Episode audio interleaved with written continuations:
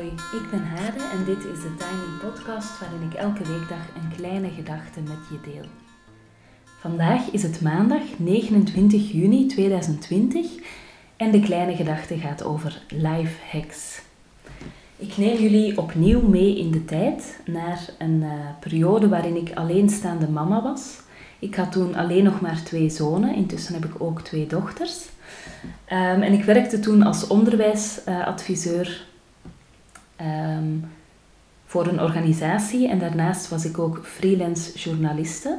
Voor Femma Magazine doe ik trouwens nog steeds en ook voor Psychologisch Magazine. Um, en in Psychologisch Magazine mocht ik, um, of mag ik nog steeds, uh, telkens een column schrijven en die heet Moederbrein.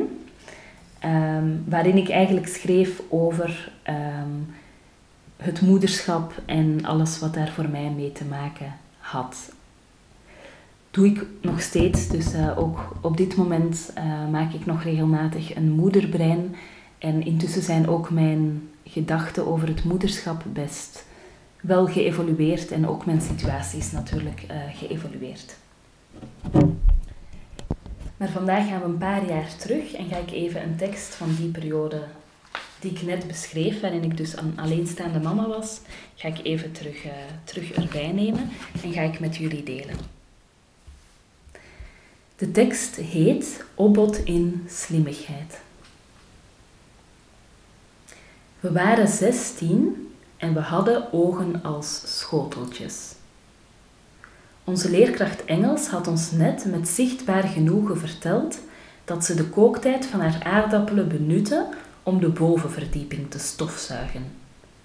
Dat paste immers precies, zei ze verrukt. Klein burgerlijk vonden we dat. Truttig zelfs. Wij die op reis zouden gaan met een tent in een bakfiets en altijd op blote voeten door de stad zouden blijven lopen. Hippiepubers die we waren. Ook hippiepubers worden mevrouwen, mevrouwen en moeders.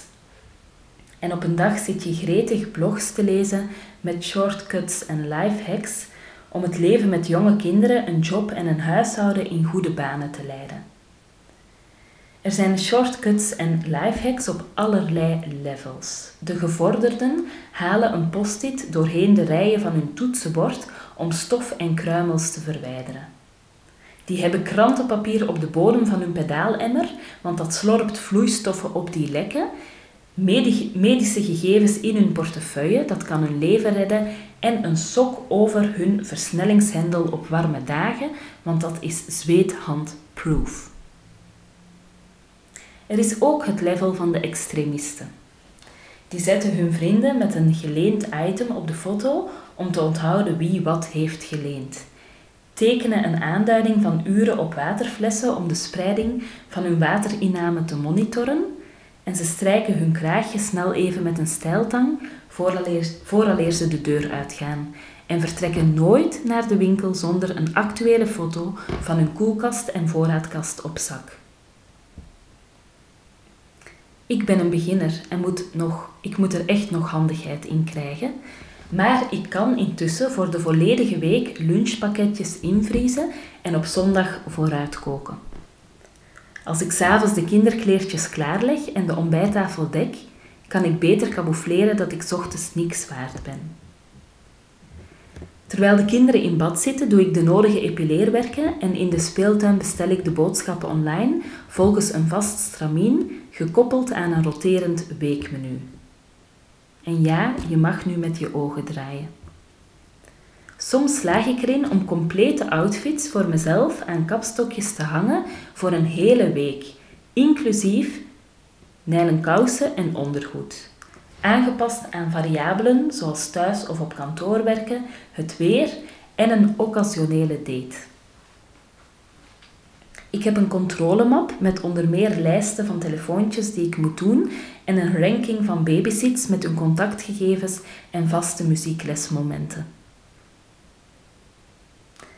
Gisteren, toen ik mijn tanden stond te poetsen in de douche om tijd te winnen terwijl de kinderen hun ontbijt moesten eten met een timer erbij, kon ik me plots niet van de indruk ontdoen dat dat alles vrij absurd is. Verliezen we ons niet in een leven met lifehacks en shortcuts omdat we elke dag het onmogelijke moeten doen. Verdoven we de vermoeidheid met de euforie die de aanblik van zes bokalen diepgevroren spaghetti-saus biedt. Vermijden we de vraag of we wel een leven willen dat aan elkaar hangt van de lifehacks en shortcuts, door tegen elkaar op te bieden in efficiëntie en slimmigheid. Ik stond even stil en dacht na. Een verrassende gedachte was dat ik wel kies voor een leven met een trucendoos. Omdat ik op dit moment gewoon alles wil. De kinderen en de leuke baan. Dat avondje uit en die boeiende cursus. Een homemade avondmaal en een stofvrije bovenverdieping. En zo laat ik het level van die leerkracht Engels ver achter me. Kleinburgerlijk? Tja. Truttig? Vast. Maar aan die hippie-puber van weleer de geruststelling. Er staat ook een bakfiets in de garage. En een foto daarvan herinnert me eraan daar een reisje mee te plannen. Op blote voeten, wie weet.